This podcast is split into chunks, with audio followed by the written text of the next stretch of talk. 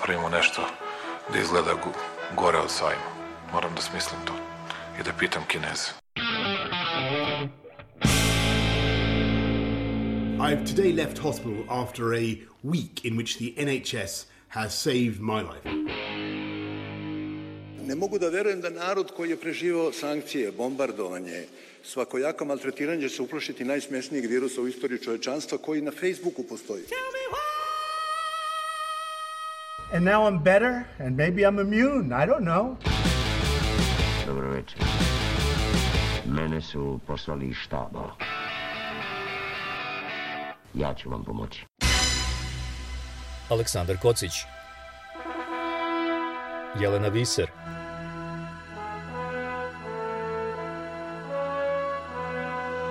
Radio Karantin Hronika istorije u nastajanju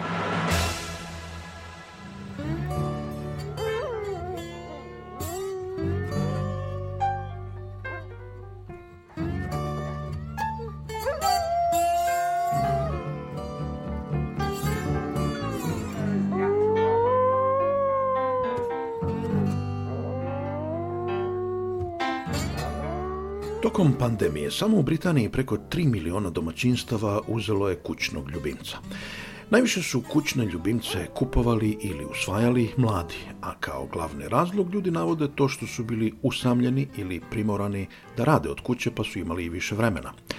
U jednoj anketi o efektima držanja kućnih ljubimaca skoro 75% ispitanika kaže da im je to pomoglo sa mentalnim zdravljem tokom karantina i pod stresom od opasnosti od virusa.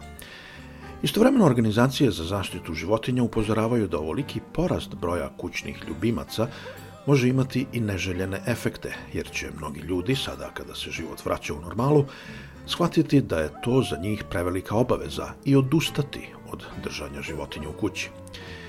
Isto tako oni koji nisu vlasnici ili ljubitelji životinja, ovaj veći broj, pre svega pasa, na ulicama sve više iritira, jer kažu da se mnogi novopečeni vlasnici ne ponašaju odgovorno.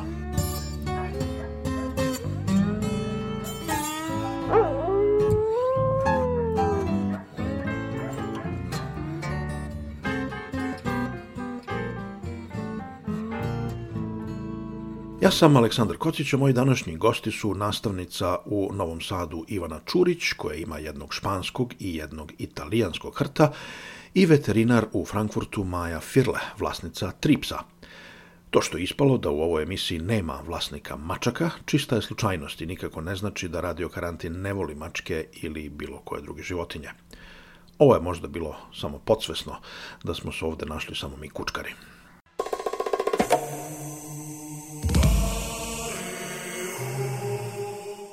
Ivana, teo sam vas prvo da pitam, e, da nas podsjetite kad je, kad je bilo ono najgore zatvaranje, najstrožije zatvaranje u Srbiji, e, pa ljudi nisu smeli uopšte da izlaze iz kuća, e, kako ste i vi i vaši psi to izgurali? Bila su dva ili tri vikenda koja su bila lockdown, tri dugačka vikenda, mislim od četvrtka do ponedeljka. To je bilo najgore zatvaranje.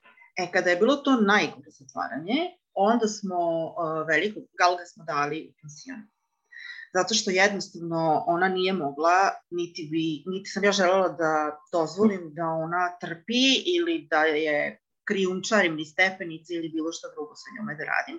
I ona je boravila u pansionu, koji je inače pansion kome, gde, gde, gde su naši veterinari, a to je pansion gde, oni, gde ona inače ostaje i preko leta kada mi negdje Tako da je upoznata, nije joj to neka strana, strana teritorija i njoj je tamo bilo zapravo lepo, imala dvorište, mogla je da se šeta, tako da te vikende ona nije doživljavala kao nešto strašno. A malog italijana sam, eto, moram reći, kršila zakon. Je, prosto nije bilo šanse da dozvolim da on 12, 13, 14 sati trpi.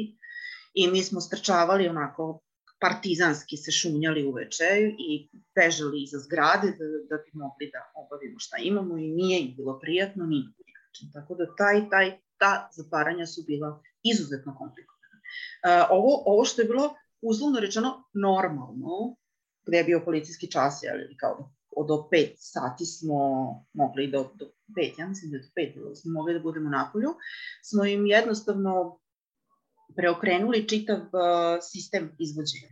Tako da je njihova glavna šetnja bila popodne umesto uveče. U početku je njima to bilo čudno, ali su se nekako prilagodili.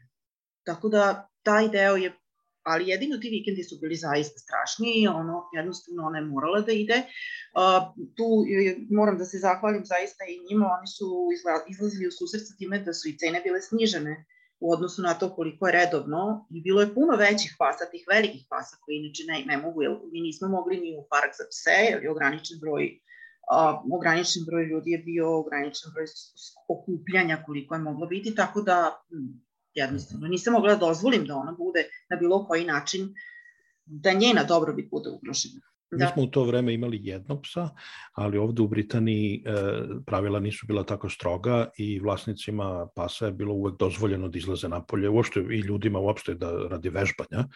Tako da ovaj, nam je to u suštini u stvari zapravo puno pomoglo da ne sedimo sve vreme kod kuće, ali smo istovremeno imali jednu, jedan iracionalni strah i stalno mučili psa, te ga pustimo sa povodca, te kako neko naiđe, mi ga stavljamo na povodca da ga ne bi ljudi pipkali, ljudi vole i da poljube, pa smo se mi strašno plašili toga da. i onda smo strašno zbunjivali psa tim e, glupostima, a on je inače bio opsednut ljudima i hranio se tom pažnjom koju dobija od ljudi. E, pa, Majo, e, šta smo umeđu vreme, ispostavilo se na kraju, posle smo čitali da životinje ne prenose koronavirus, šta smo umeđu vremenu saznali o um, opasnosti od koronavirusa po životinje i potencijalu da prenesu na ljude? Je, od početka je bilo poznato da je to druga korona vrsta virusa koja nije opasna ni za životinje, niti može da se um, prenese na ljude. Uh, E, poznata je korona kod mačaka od kad je sveta i veka, ali to je druga vrsta koja je vrlo sličan virus virusu, ali ne a, opasan za ljude. E, poznato je da poljubcem čoveka na psa moguće neko vreme da se izoluje taj virus, naš korona, COVID, 19, ali nije moguće da se pasa tim zarazi. Znači na površini dlake je moguće neko vreme da opstane, ali ne i da zarazi. I to je otprilike to, nema, nema tu nekih novih saznanja. Nema, ne, nema, ne. A kad je, e, vi ste u Frankfurtu, e, kad je tamo bilo e, isto ovih karantina kao i drugde, šta su vam ljudi govorili, kakve su bile reakcije klijenata i šta su pričali iskustvima sa svojim kućnim ljubimcima? Bilo je jako puno paničnih poziva, da li ja mogu da prenesem na moje životinje ili životinja na mene. I dan danas kada saopštim ljudima da je mačka poron, pozitivna koronu virus, to, to je, nastaje panika i strah, dok im ne objasnim da je to stvarno drugi, drugi virus, tako da reč korona je postala za sve opsisija. Kažem, iako je to druga vrsta virusa koja nije prijemčiva za ljude, I uh, inače, stalno smo imali te pozive šta da radim, da li smijem da izlazim sa životinjom, koliko sam ja, mislim, malta ne veterinarska praksa postala ustanova za informacije za sve što se dešava oko COVID-19 i um, tako da smo imali pretarano puno poziva i uh, jako puno uplašnih ljudi po svakojakom, tim, svakojakim temama u odnosu na koronu. Jeste i vi imali poseban režim rada sa i prijema pacijenata i klijenata, jer mi smo ovde u Britaniji imali taj problem, pa si bio bolestan u vreme korone i onda ovaj, ne možete nigde da vidite lekara, nego sedite u kolima na parkingu, oni ga kroz neki kavez sprovedu i onda vam ga vrate, jer ljudi nisu mogli da ulaze u ordinacije, samo životinje. Nije tako strogo bilo, ja i dan danas provodim svoje mere, ne baš tako stroge u svojoj ordinaciji, jedino što je negativno bilo da ovih dve, dve godine ljudi, što mi je jako bilo uvek žao, moraju da čekaju ispred ordinacije, bez obzira da li je kiša, sneg, sunce, toplo, u redovima ovde, da. stonjanje po dva metra, ja sam dozvoljavala i da danas dozvolim da ulazim, meni je nehumano da životinja bez bez vlasnika uđe kod nas na taj sto za pregled i ovako su uplašeni jadni još bez, bez vlasnika dođu, tako da sam sa tim merama uglavnom malo uh, bila um, ovaj, humanitija, tako reći.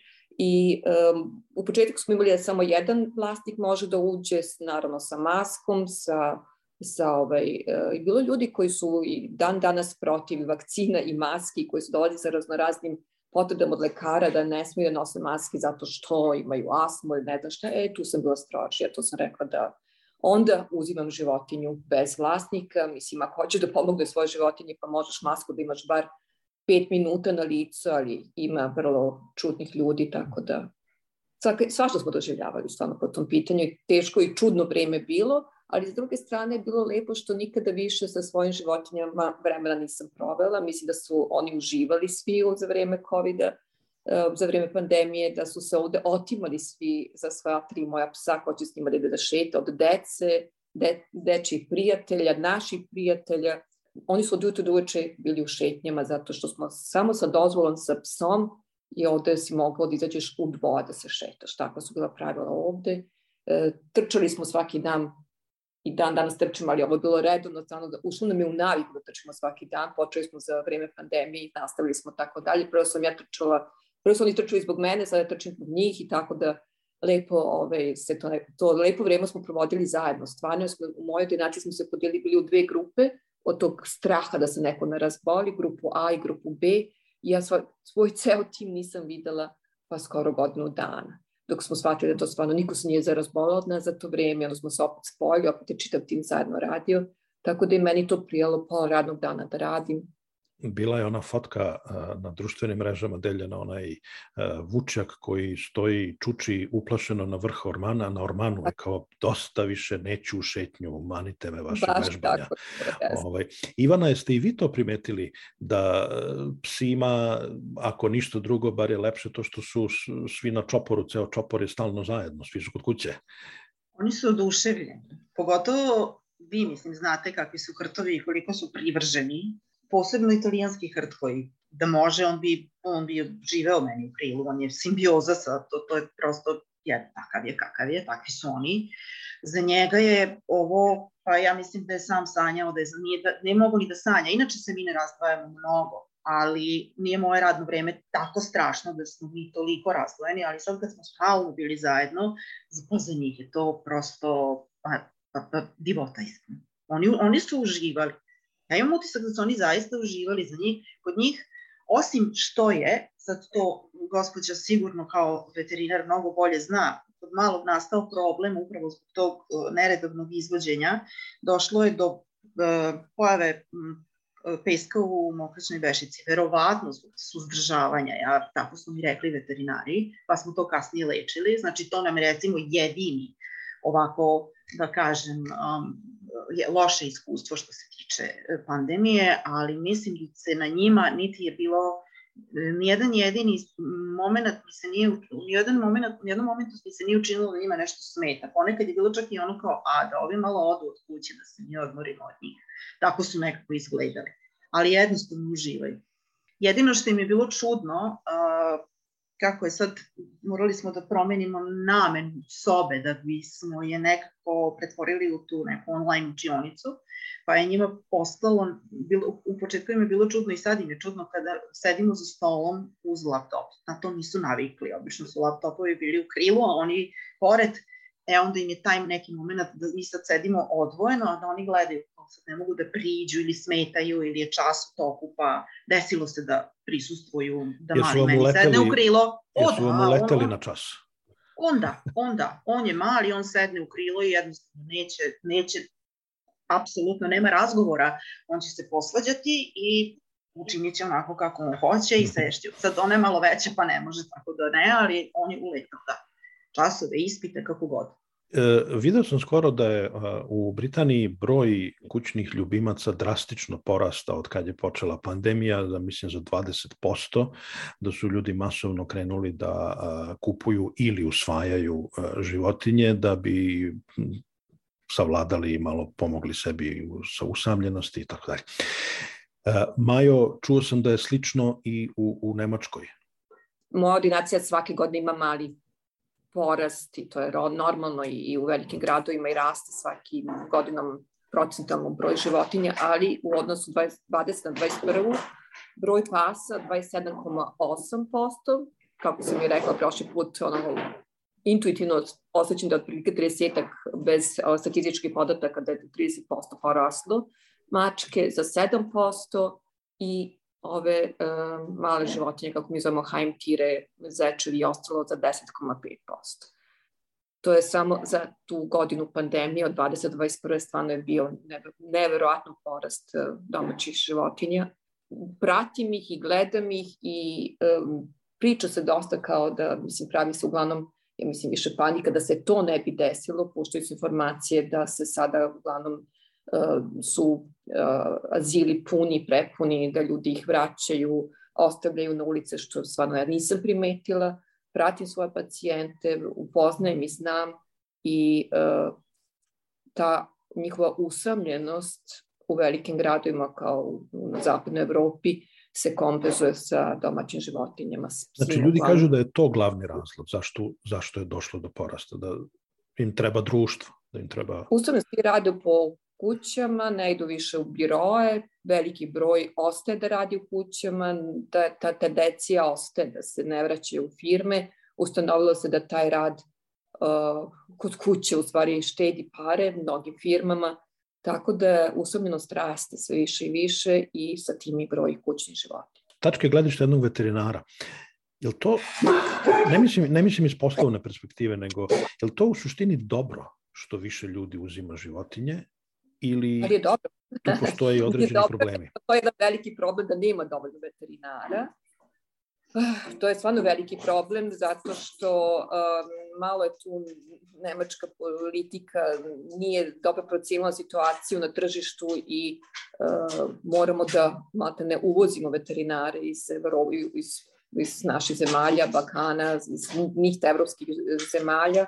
Ja sama imam pet veterinara od toga, od nas petor ja prvo sam stranac, kolega koga sam morala da dovedem iz Novog Sada, drugi kolega koga sam isto morala da dovedem zbog povećanog rada je iz, iz Moldavije i dve veterinarke Nemice. Znači, od nas petoro samo su dva, dva nemačka državljena i to je stvarno veliki problem i kako čujem ne samo u Nemačkoj, da je uglavnom i u Velikoj Britaniji isti problem sličan. Sa prijateljem u Italiji sam isto pričala ne znam zašto, ali malo ih ima u odnosu na porast broj kućnih ljubimaca. Naše, naši psi su bili registrovani u jednom lancu veterinarskih ordinacija i najbliža nam je bila tu na, na pet minuta peške. Oni su, kad je počela pandemija, zatvorili i više ne otvaraju zato što nemaju osoblje. Onda su nas prebacili u drugu koja nam je na 10 minuta kolima, međutim i ta je sad zatvorena vikendom jer nema dovoljno ljudi, pa nas onda šalju u centralu, u bolnicu njihovu koja je na drugom kraju grada jer nemaju osoblja ovaj, niti lekara, nemaju osoblja dovoljno, mislim, niti lekara, niti uh, tehničara, odnosno ovaj, da. sestara i tako dalje. Delimično je ovde razlog Brexit, zato što su mnogi ljudi posle izlaska iz Evropske unije rešili da odu iz ove zemlje, a delimično pandemija, jer su ljudi ipak koji nisu odavde otišli u svoje zemlje. Ivana, jeste vi možda nešto primetili u, u Novom Sadu i u Vojvodini u tom smislu, da li je lakše sada ili teže dobiti e, termin kod veterinara? Upravo slušam oboje i čudim se s obzirom na to da u Novom Sadu veterinarske ordinacije niču kao pečurke. To je, imam utisak da ima više veterinara nego pasa. A, a zaista, i da o, prosto ja, dobro, mi smo verni našima već duže vreme zapravo od kako, idem, od kako imam vrtove. Imam, ovo, idemo u određenu veterinarsku ordinaciju, ali oni stalno primaju nove pripravnike, njih je, oni su čitav tim, ali ovo, evo, kod nas u, u, u okruženju, evo u ovom ovde naselju u kome sam ja ima tri ordinacije samo, a to je uslovno rečeno onako stariji deo grada koji nije nešto prenaseljen, tako da baš, baš puno ima ovaj, baš puno ordinacija. Baš mi je čudno ovo da ne znam gde, gde su ti ljudi nestali, gde su otišli, ali kod nas nismo takvih problema imali. Pogotovo još o, za vreme, i za vreme karantina oni su imali dozvolu za kretanje kao i lekari. Tako da u bilo koje doba da je se bilo šta desilo, oni su na poziv dolazili. Oni su mogli da dođu, nismo mi morali da idemo.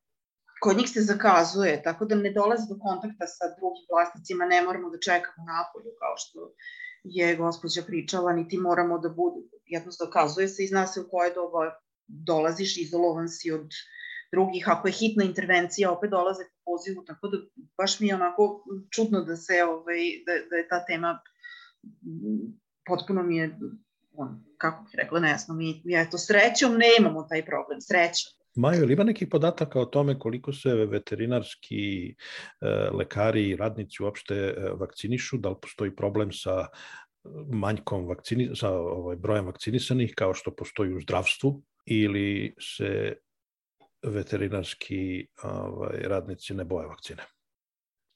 Mislim da svi, u početku je bilo da, ne, svi smo se nešto pribojavali, hoćemo, sve je bilo nesigurno i nepoznato, onda kad su počeli da se pojavljaju vakcine, onda mislim da smo se borili kako doći do vakcine kad ih je bilo u početku na prošle godine u martu malo um, i uglavnom ko je dobio vakcinu bio srećan. Eto, tako se sećam tog, tog prvog perioda i uopšte mislim medicinski način razmišljanja je bilo vakcine tu daj da se zaštitimo ljudi da bi mogli raditi, tako da uopšte ja, u mom timu ili uopšte među mojim kolegama nikada nije postao, nisam čuo ni jednog da je nešto bio protiv vakcinaš ili da nije hteo i jednostavno bilo je logično, radiš s ljudima, štitiš sebe, štitiš druge.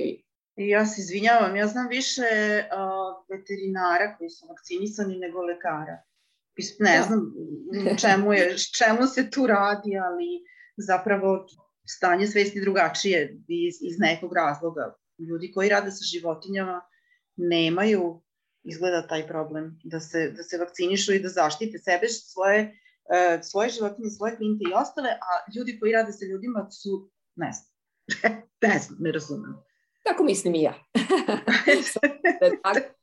I uopšte, mislim, kao veterinar ima po meni malo prirodni način prilasku životinjama, prirodi, okolini, e, sterilno, nesterilno, veterinari su poznati po tome, da smo po tom pitanju malo ogugali na sve i no, kažem, prirodni način svemu tome imamo.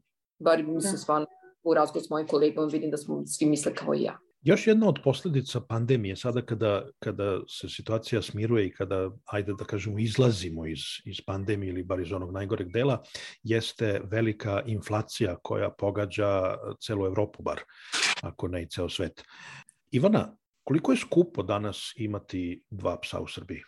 Nisam objektivna, zato što su oni uvek na prvom mestu. I za njih uvek sve najbolje. Za njih mora da postoji najbolja hrana, za njih mora da postoji najbolja nega, za njih mora da postoji sve najbolje. Tako da nisam objektivna zaista, ne mogu da ih hranim nekim jeftinim granulama, niti mogu da dozvolim da ne budu zaštićeni od, paraz, od ovih spoljnih unutrašnjih parazita, ne mogu da dozvolim bilo kakvu bilo kakvu manjkavost kad su oni u pitanju. Nije, e, naravno da nije jeftino, mislim cene skaču svega, kako god se okrenemo sve skuplje, ali kažem da zapravo nisam objektivna zato što uh, mo, o njima, prvo, prvo o njima moram da vodim računa.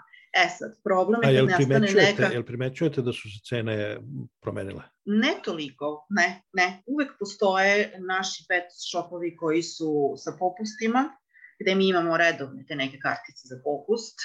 Uh, kod veterinara jedino, uh, evo šta je problematično bilo, imali smo situaciju da letos uh, je u šetnji Mališa stao na nešto, imao alergijsku reakciju, morali smo pod hitno da idemo, eto to je nepredviđena neka situacija i te nepredviđene situacije su skupe zato što je to usred noći, recimo 10 sati ili ne znam šta i onda je cena mnogo veća, ali ovako nije još uvek, e, nije još uvek strašno još uvek nije strašno i oni, oni, uh, oni ne osjećaju, a ni kućni budžet još uvek ne osjeća da je to sad neko povećanje tako, tako strašno, ali opet još jednom nisam objektivna jer za njih uvek sve mora biti najbolje.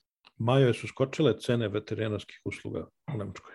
Jesu i nastali su mnogi drugi problemi. Uvoz e, raznoradi sirovina za proizvodnju medikamenata dolazi iz, ma, uglavnom iz Kine ili drugih zemalja, Tako da smo imali faze da nismo pojedine medikamente uopšte mogli da, da nabavimo, kupimo i ako ih dobijemo, onda u startu nabavna cena je bila za 30-40% skuplja nego ranije, tako da automatski je morala da raste cena. To što se tiče medikamenta, materijala, to je definitivno i danas problem. Mnogi medikamenti jako teško dobijamo, neke na koje su ljudi navikli, um, protiv bolova, za starije pacijente, um, kažem, pogotovo problem je sa vakcinama, bilo za mačke, najveći problem. Ali što se tiče naših usluga, ili kako mi kažemo lajstom, to, to je ostalo isto. To nismo, nismo hteli, nismo želeli da menjamo, iako je uh, kažem, posao u ovakvim, u ovakvim uslovima mnogo teži nego, nego ranije što je bio. Mogli smo da povećamo, neki su povećavali, ali ja u mojoj ordinaciji nisam. Tako da čitava inflacija u Nemačkoj, ne da sam čula na vestima, otprilike 4%, da ti 4% uglavnom osjeća se stvarno sa jedna kupovna korpa, ranije, mislim koliko je bila za jednu familiju, za 4% za familije koje stvarno nemaju dovoljno prihoda, mnogo znači. I sa te strane ta, ta sada problem rastu cene svega, ne samo veterinskih usluga, e, ljudi nabavljaju životinje, mnogi ostaju zbog posla, životinja ostaje tu, razboljava se, ide kod veterinara koji još skuplji, nastaje jedan veliki problem, taj problem uh, koji ne znam, mislim, kako će se u budućnosti rešiti i zato sve više imam priliva i pitanja ponovno po, za vreme, znaš, ono udruženje koje imam, tije Not Hilfe, Socijalite Not Hilfe, koje me funkcioniš u Frankfurtu 15 godina, tu se povećao strašan priliv. Jer, A to je moje, udruženje koje Moje udruženje pre 15 godina sam osnovala za, koje se finansira samo iz doprinosa i to radim pored svoje ordinacije. Jedan put mesečno idem na jednu metro stanicu da dolaze svi koji imaju rad životinje, a nemaju dovoljno para za veterinarske usluge, tako da sve dobijaju na toj metro stanici. Znači to je kada humanitarni do... rad? Humanitarni rad. Da, I povećava se broj e, pacijenata. To je, to je, dobijamo dnevno po 10 mailova sa tim pitanjima šta da radim, moj pas, moja mačka ima taj problem, ne mogu da platim veterinara, tako da je to sa te strane posao, posao koji opet mi tu mi fale ljudi koji će to da odrade sa mnom, organizacija toga, jednostavno priliv e, ljudi koji nemaju pare i priliv tih naših članova u to udruženje postao neverovatan, da to ne znam kako ćemo u budućnosti taj problem rešiti. Mi imamo ovde jedan mali dodatni problem, neću da kažem da je ne znam šta, ne znam koliko ozbiljno, ali evo život se polako vraća u normalu, ja polako ponovo idem na posao, ne radim samo od kuće i trebaju nam šetači. Nemoguće je naći šetača pasa svi su, ja mislim da smo do sad zvali 10 ljudi, svi su nam rekli ja ne mogu više da primim nikoga, prenatrpan, prenatrpan, nema, nema. Ovaj, tako da i to je to još jedna od posledica pandemije koju dobro vlasnici mačaka i vlasnici mačaka i drugih kućnih ljubimaca nemaju taj problem, ali ovaj ali da eto nas pogađa.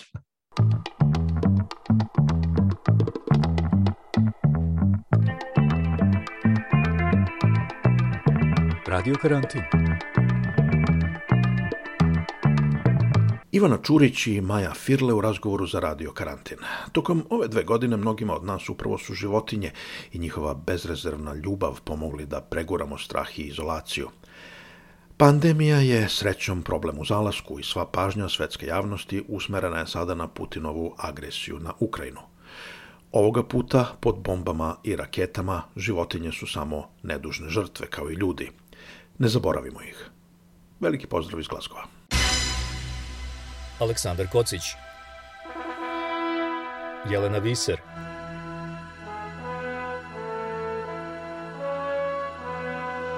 Radio Karantin Hronika istorije u nastajanju